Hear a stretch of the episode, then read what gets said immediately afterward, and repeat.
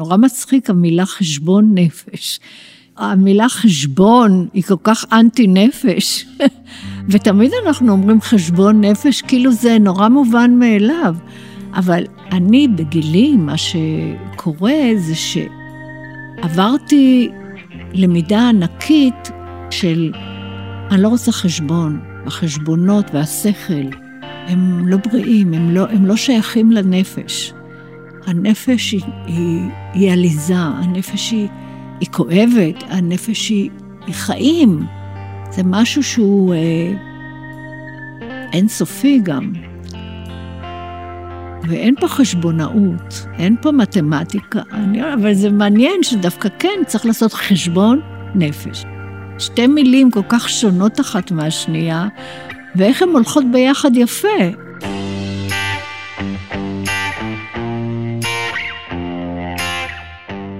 אתם ואתן מאזינים לכאן תרבות, אני מאיה קוסובר, וזוהי תוכנית מיוחדת ליום הכיפורים. שירי סוף הדרך. שיחה על החיים, על הזקנה ועל חשבון נפש.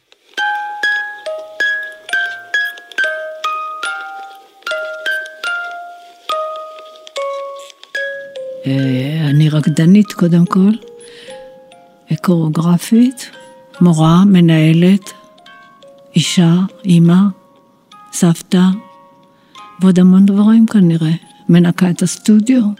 זאת רינה שיינפלד, שבמידה רבה עיצבה את פני המחול המודרני בישראל.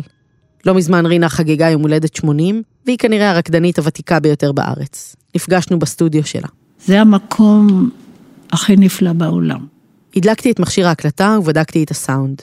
שעון המחוגים שהיה תלוי על הקיר תקתק חזק, כאילו הוא הדגיש את הזמן החולף. אז ביקשתי שנעביר אותו לחדר השני ונחזור אחורה בזמן. בעצם תמיד ידעתי שאני זקוקה לבטא משהו, שאני צריכה, שיש משהו מעבר ל, ליומיום ולחיים שרוצה לצאת ממני, רוצה לקבל ביטוי, ולא ידעתי מה. אה, זאת אומרת, אה, ישבתי במרפסת שם ברחוב אסתר המלכה, וראיתי את העננים וראיתי את היופי של העולם, וכמה שזה נשמע בנאלי, זה היה מאוד אה, עמוק. רציתי לבטא דווקא את היופי הזה, ולא את הרקע ששמעתי על השואה, וראיתי אנשים שבאו מאירופה עם מספרים על הידיים, וכל הסיפורים האלה שגם לא סיפרו. רינה נולדה בתל אביב בשנת 1938 לזוג הורים שעלו מגליציה. את הרצון הזה ליצור ולבטא תחושות היא זוכרת מגיל צעיר, אבל את הריקוד היא גילתה בגיל מאוחר יחסית, כמעט במקרה. כשיום אחד הלכה לכיכר דיזינגוף, פגשתי שם ילדה, הייתי כבר בת 12, והיא ראתה שאני עושה שפגאט, ואני עושה גשר, אז היא אמרה, את חייבת לבוא לסטודיו למחול של מי ארבעה טובה. ואמרתי, מה יש בכלל, יש כזה דבר? סטודיו למחול? מה זה? רינה הסקרנית לקחה את אבא שלה, והם הלכו יחד לסטודיו של מי הארבעה טובה, בשדרות קרן קיימת בתל אביב. וברגע שנפתחה הדלת, הבנתי שזה העולם שלי. התפעלתי. ממה התפעלתי? מזה שזרקו שמלות באוויר, התפשטו, היה, הרגשתי זיעה, ריח אפילו. רכילויות, היה משהו באווירה. הסטודיו פשוט הקסים אותה. יש חלל ריק, כמו דף ריק. אתה יכול לרשום את עצמך, את כל מה שיש לך לבטא, בחלל הזה. יש מקום, יש הקשבה. ואז התחילה הפסנדרנית לנגן שופן, שוברט, בטהובן, אני בכלל השתגעתי, ואמרתי, ברור שזה העולם שלי. אפילו לא הייתי לבושה ב... בהתאם. וזיהו בך גם את הפוטנציאל הזה? את הזיק הזה, את הניצוץ מיד?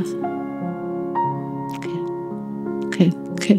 אני אפילו בוכה כשאני אומרת לך את זה, כי אני זוכרת שאני הייתי בית עם שמלה כזאת מצחיקה, עם סרט ענקי על הגב, והמורה שהייתה מורה רוסייה עם ציפורניים ארוכות, היא, ניגשה אליי ושרטה אותי על הגב כזה, עברה ואמרה, מה שמך חביבלה? כי היא הייתה נוקשה בדרך כלל, הייתה אפילו מרביצה. הבנתי שהחביבלה הזה ומה שמך אומר הכל. רינה מרגישה שהריקוד נשלח אליה.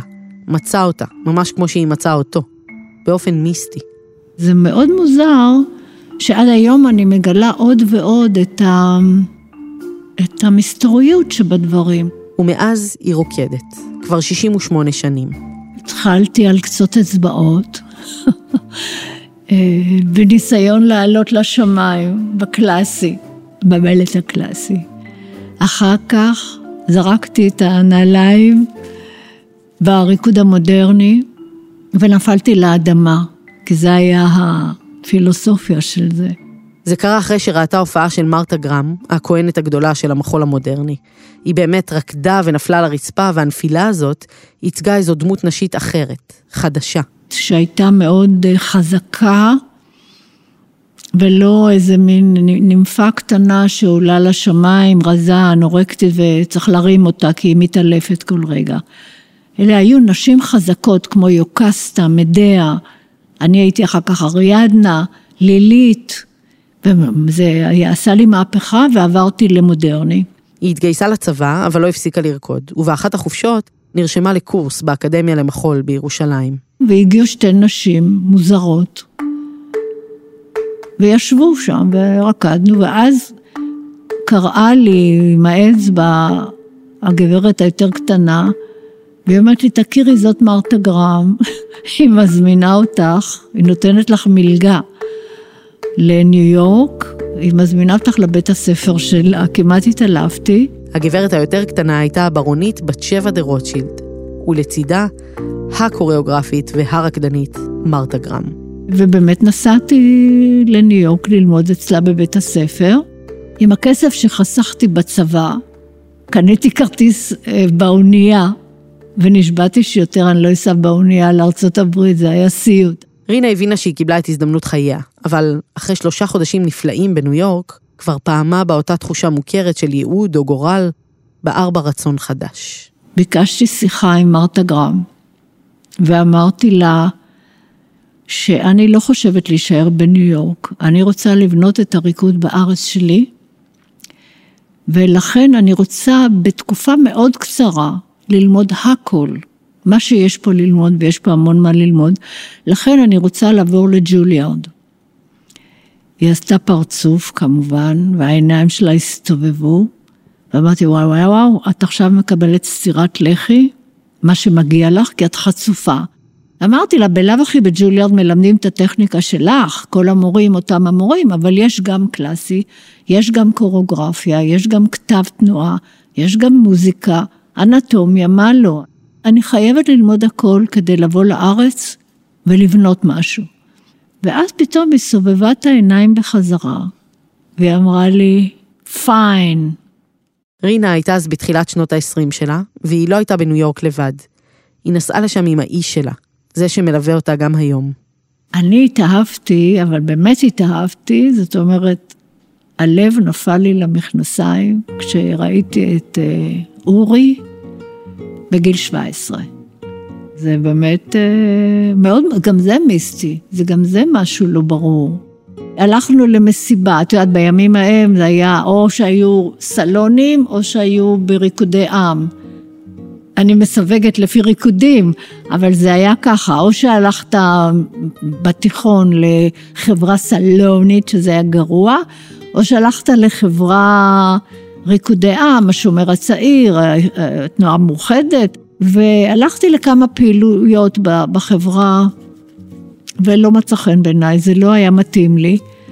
וכן הצטרפתי ל, לריקודים סלונים, למסיבות כאלה בבתים, והלכנו, אני זוכרת, בבוגרצ'וב, הייתה, יש שם ירידה או עלייה, ואז פתאום מישהו אמר, בואו נקרא גם לפיג', פיג' זה אורי.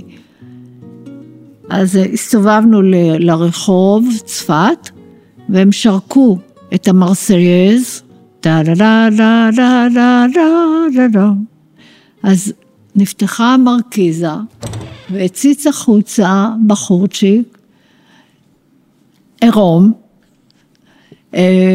עם חיוך, עם שיניים, עם עיניים קטנות, מחייכות, והלב שלי פשוט, פשוט ככה, נפל לא רק למכנסיים, לעקבים. אבל לא כולם תמכו בלב שלם בחלום הריקוד של רינה. אימא שלי אה, מאוד לא רצתה שאני אהיה רקדנית. ברגע שהיא היא אמרה, היא כל הזמן אה, נדנדה, אה, לא יהיו לך חיים, את לא תתחתני, לא תהיי אימא, לא יהיו לך ילדים. מקצוע ריקוד זה לא מקצוע שכולם חיבבו אותו, חשבו שרקדנית היא נזירה, היא בתולה נצחית. אני פשוט אה, באמונה הפנימית שלי, וזה לא חוצפה, זה משהו אישי וצנוע, ידעתי שאני לא אוותר על החיים, כי החיים זה אומנות והאומנות זה החיים, אי אפשר להפריד אותם. כשאורי ורינה חזרו לארץ מניו יורק, הם התחתנו. הם היו אז בני 24 בערך. רינה הקימה להקה של 11 רקדנים ורקדניות. הברונית בת שבע, שתמכה במרתה גרם בניו יורק, החליטה לבחון מקרוב את מצב המחול בארץ ולעשות עלייה. ערב אחד, רינה והלהקה החדשה שלה הופיעו בנחמני, והברונית הגיעה לראות את ההופעה. למחרת אני מקבלת טלפון. הלו, רינה? כאן בת שבע. אה, יש לי רעיון משוגע. אני הולכת להקים להקה. אני אקרא לה בת שבע. אה, את תיסעי עוד פעם לניו יורק ותלמדי אצל מרתה גרם את התפקידים שלה, ואם אתם תעשו את זה טוב, היא תיתן לנו רשות להופיע עם זה בארץ ובכל העולם, וכולי. וככה התחילה להקת בת שבע, מבחינתי, טלפון כזה במבטא צרפתי. רינה מיד עלתה על מטוס לניו יורק. היא הייתה שם כמעט שנה, למדה יחד עם עוד רקדנים את העבודות והתפקידים, וכשמרתה נתנה את אישורה, הם חזרו לארץ, והתאחדו עם הלהקה שהתחילה פה, וככה הוקמה להקת בת שבע. בלהקת בת שבע הייתי 17 שנה. רקדנית ראשית, קוריאוגרפית, מורה, אפילו ניהלתי את הלהקה כמה חודשים. ההצלחה של הלהקה בארץ ובעולם הייתה אדירה, ובמהלך תקופה הזאת, רינה גם הפכה לאימא.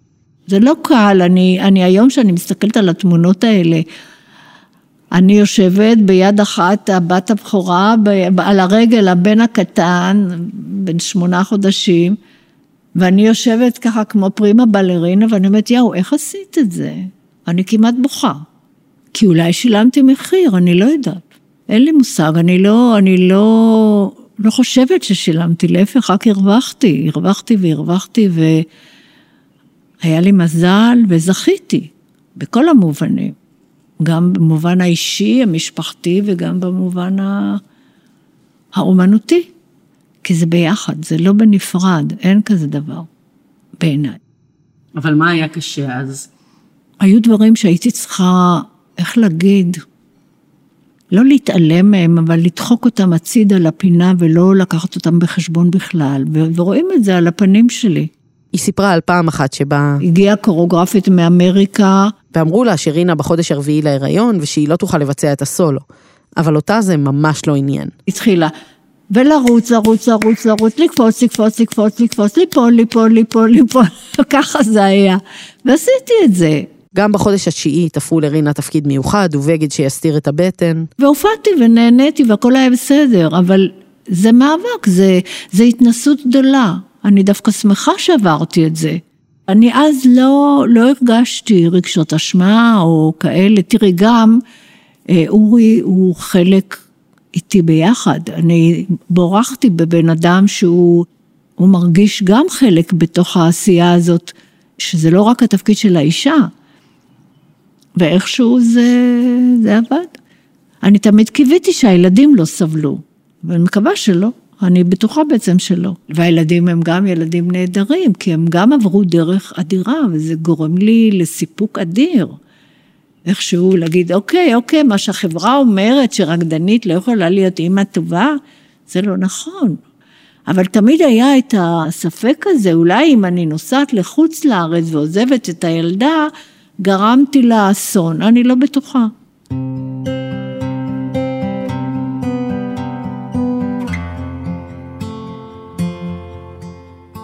אחרי 17 שנה בבת שבע, החלו לנשוב רוחות השינויים. הברונית עזבה, ורינה הרגישה גם היא את הלב הפועם, מבקש למצוא דרך חדשה. הלכתי למדבר, בלי גרוש, בלי כלום, ולא הייתה לי ברירה. היו לי ריקודים נהדרים שהם ביקשו להיוולד. היא הקימה להקה חדשה, משלה, ופתחה סטודיו למחול. לכן אני אומרת לכולם, גיל 40 זה רק התחלה של משהו. כי אני רואה בזה התחלה מאוד חשובה.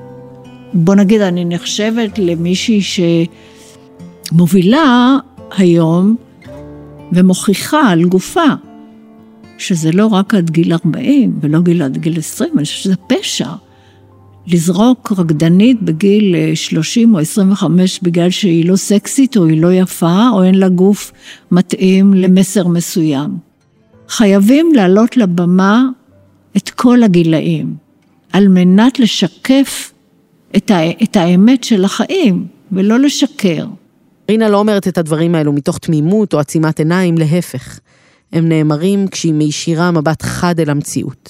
זה עניין של משחק כוחות, של אה, מה הקהל רוצה, מה יכניס יותר כסף, מה מוכר יותר. אני שונאת מוסכמות, אה, אני, אני, ויותר ויותר עם הגיל, אני זורקת אה, כל מיני תלבושות, כל מיני מסכות, כל מיני קישוטים, כדי להיות ערומה, להיות uh, אמיתית, להיות... זה לא שאני לא פוחדת מזקנה, כן? בוודאי יש בזה יחד את המחלות, את, ה, את הבעיות, שהן באמת בעיות איומות, ו, ו, ואולי גם לא מושיטים יד מספיק, החברה לא בנויה לעזור לגיל המתקדם, שזה באמת נורא. גם אני פוחדת, ברור. אבל כל זמן שאני יכולה לפעול, אני לא אשב ואחכה לנפילה הבאה שלי. והיא באמת לא מחכה. רק בשנה האחרונה היא הספיקה להשתתף באופרה בפריז, עברה לגור שם לכמה חודשים, עם כל הפאר וההדר, וגם עם הקשיים של הגיל והבדידות בעיר זרה.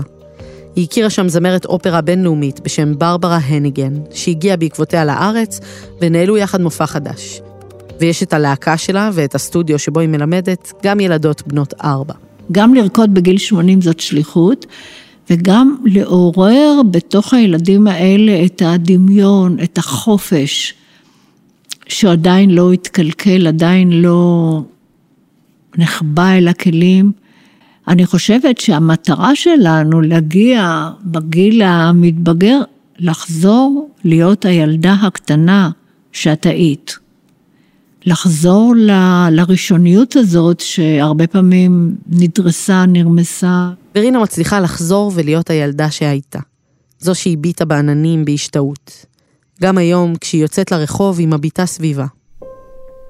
אני רואה פרח על הרצפה, עלה, פרחים, ואלה שנבלו דווקא, אני מרימה, אני אומרת, זה לא נכון שרק השושנה האדומה בשיא פריחתה היא הדבר אליו אני צריכה לשאוף, וזה הדבר הכי יפה והכי אמיתי, ממש לא. יש יופי ויש אמירה ויש uh, למידה, גם בעלה שנפל. גוף האדם הוא כמו הפרח הזה. הוא מלא ביופי, מכונה מופלאה. מה היחס שלך. לשינויים בגוף שלך, לקמטים. אני מקבלת את זה באהבה, זה חלק מהלמידה שלי, זה חלק מההתפתחות שלי. יש לי גם המון הבנה והמון ידע והמון אה, רגישות ופתיחות, שלא היה לי בגיל 40, 50, אפילו 60.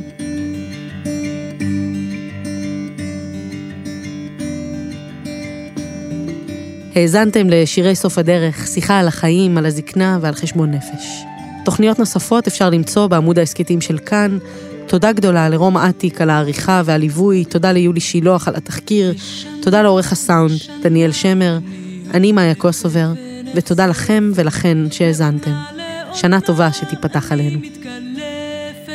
רינה, אם היה, אם כאילו אפייה הייתה מגיעה והייתה אומרת לך, את יכולה לחזור לכל תקופה בחיים שלך ולחיות יומיים לא רוצה. ממש לא. ממש לא. אני לא יודעת למה אנשים אה, אומרים, הלוואי הייתי עכשיו בגיל 18, ומה? מי רוצה לחזור לגיל 18? אלוהים ישמור. להתחיל את הצבא? לתרום דם? להיות מזכירה של הפקיד? להתאהב אפילו? לא. יש לי היום את החיים שלי המרתקים. מלאי משמעות, למה אני צריכה לרצות בכלל? מי רוצה עוד פעם? להפך, אני מסתכלת על אנשים קצת ברחמים.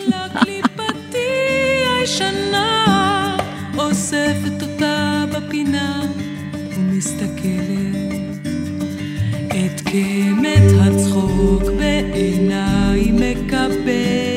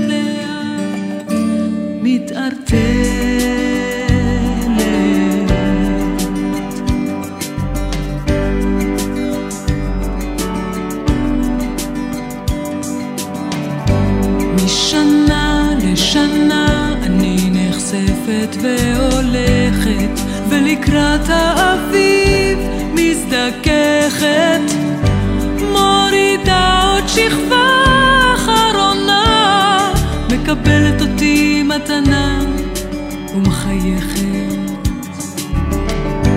מבקשת רק טוב, משתדלת לא לדרוך על יבלת.